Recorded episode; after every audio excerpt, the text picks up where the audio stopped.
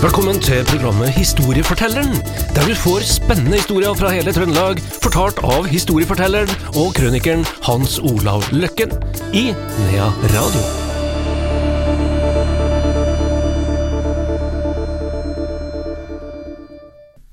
Historiefortelleren tilbake igjen. Hei til deg, Hans Olav Løkken. Ja, er du. Nå er vi i gang, og vi skal Ja, jeg tror vi starter med et sangerstevne i dag. Sangerstevne, vet du, inn på Steinkjer. Da har vi hvite luer på. Det eh, hadde de som kunne synge, ja. Ja. det, er, eh, det er mangel på mannsstemmer i Ja. mange sånne sangkor i dag. ja. Men så finnes det jo mange flotte, rene mannskor òg, da. Ja, det gjør det. det gjør det. Men det, jeg ser jo at det er veldig mange sangkor på ei bygd. Altså, det- Så er det en ti her, og så er det seks der, og så er det fem der.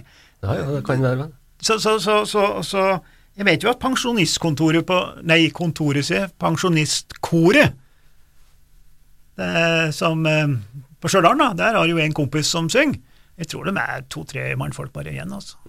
Der er det vanskelig å få mannsstemmer, da, som har spurt om jeg ville være med. Og det, Da ville jo koret blitt nedlagt i løpet av første øvelse, så det har jeg sagt nei til. For jeg kan ikke synge i hele tatt, da.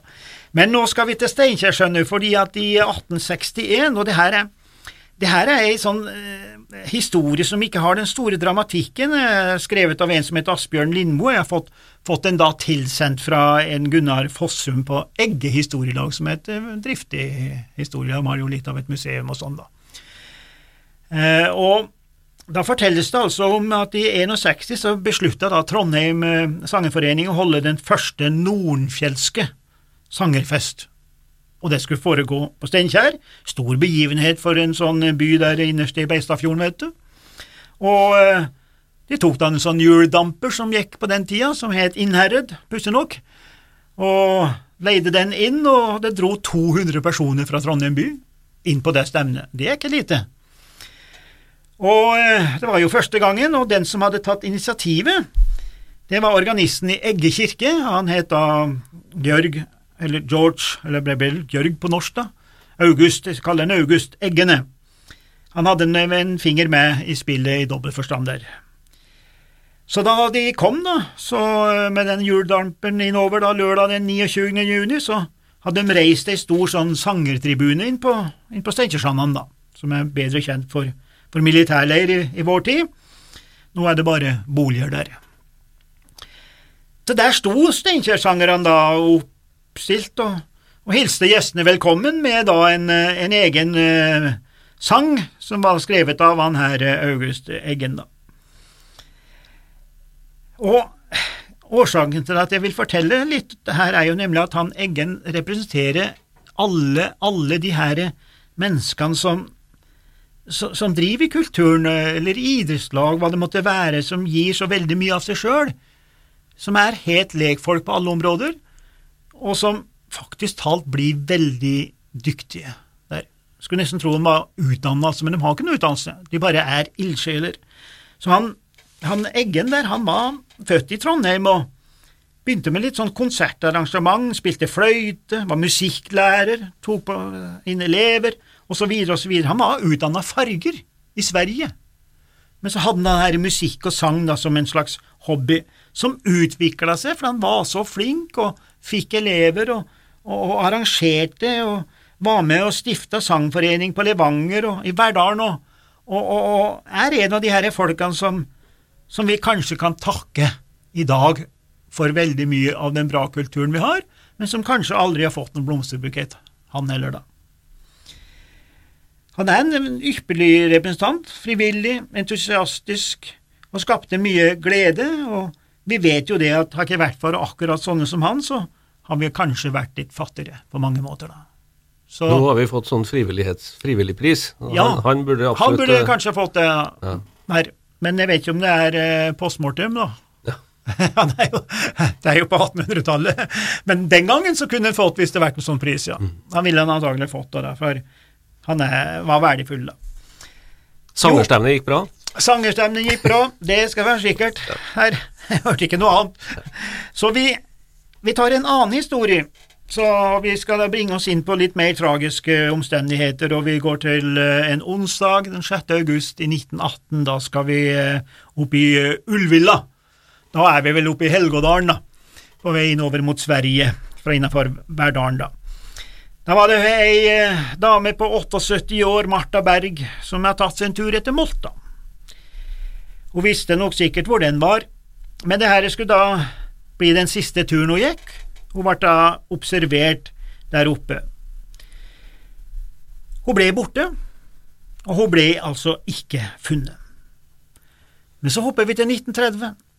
Da er det to eh, personer som er ute og beveger seg oppi områdene der, og de finner da et menneskeskjelett idet de skal ta nattleie sjøl under en granlegg ute i skogen der.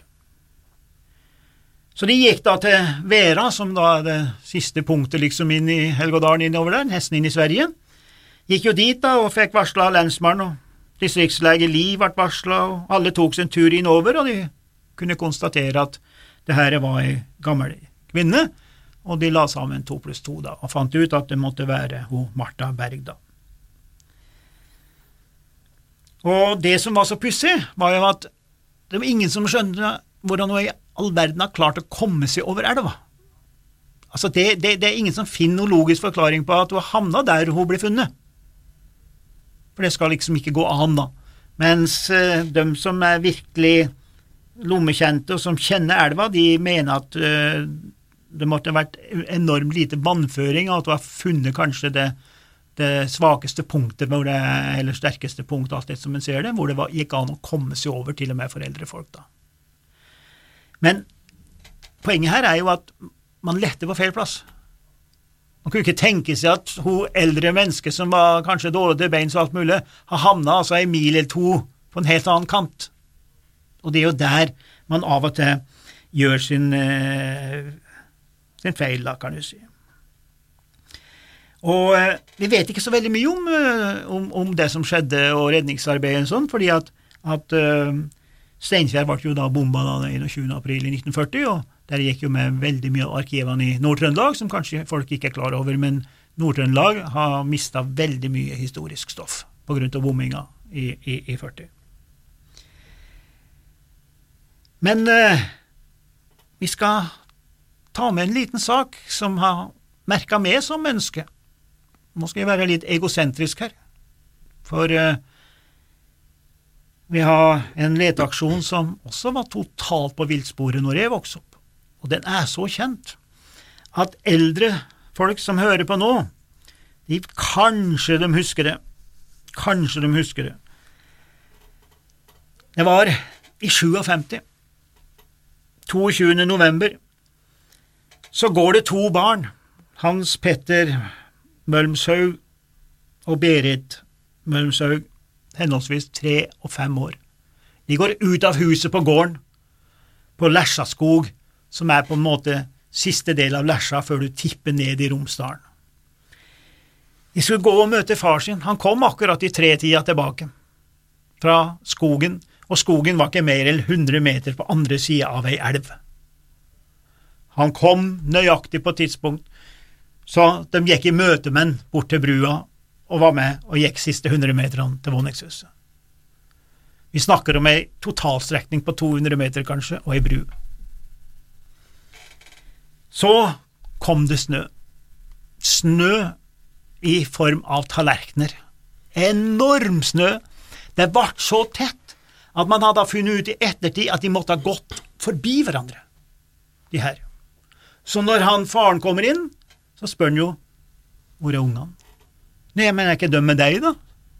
sier kjerringa. Og så setter man i gang. Det man først trodde, var jo selvfølgelig at de hadde gått på brua og falt nedi. Der var jo is, så de har ikke gått der. Og det blir varsla. Det blir varsla. Og det er nå vi kommer til poengene her, skjønner du. Dette ble en av de mest kjente skal vi si, redningsaksjoner, en av de mest kjente tragedier i Norge etter krigen, fordi at det har med barn å gjøre. Det er stor forskjell når det er barn borte, og når det er voksne som er borte. Ja, det var så mye folk som etter hvert ville være med og leite, at man satte opp busser fra Trondheim torg, midt i Trondheim by, mangfoldige busser som skulle kjøre etter Domås og være med i redningsaksjonen på Lesja og Lesja skog. Til slutt så måtte lensmannen på Domås, lensmannen i Lesja og Dovre, da, embet, gå ut på NRK og si at nå må det ikke komme flere folk til Norddalen, til, til Domås. Det er ikke plass. Vi har ikke senger. Det var ikke vits. Dagene gikk, og folk strømma til, for de skulle hjelpe til. De mener det så godt, men det er jo på mange måter så feil. Vent til du får beskjed. Så det ble nesten for gærent, altså. Og det gikk noen uker før de ble funnet. De ble funnet langt, langt inn på fjellet. De skal ikke bare gå de her 100 meterne nede i nærskogen, over brua, gjennom skog. Så skal de gå en sju–åtte kilometer gjennom marken, som vi sier på dialekt, og i skogen, oppover til tregrensa. Så skal de inn på fjellet.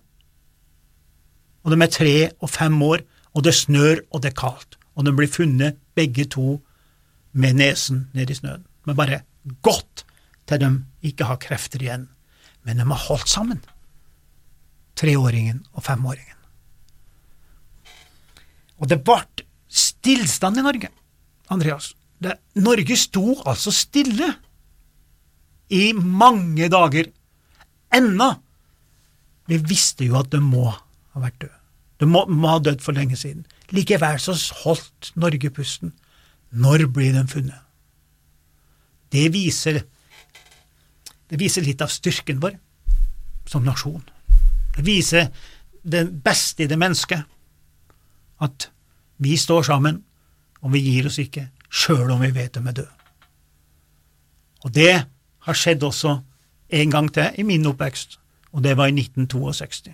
Jeg vet ikke om du husker Rita-saken i Bergen med Hans Nitler og ei folkevogn, og de fant noe tre måneder, det var vel 30. november i 62, de fant noe i februar året etterpå, i en kumme.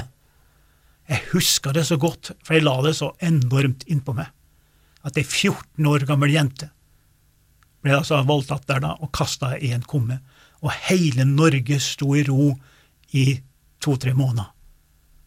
Helt i ro og venta på svaret.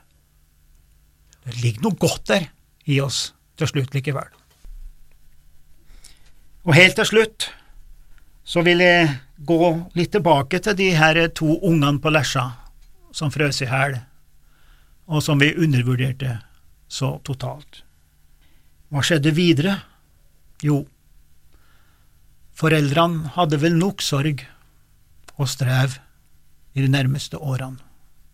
Og går vi til den 3. Eh, mars i 2010, da disse foreldrene er noen og 80 år, så skal de kjøre ut på europaveien utenfor gården sin på Lesja kolliderer, og begge to omkom.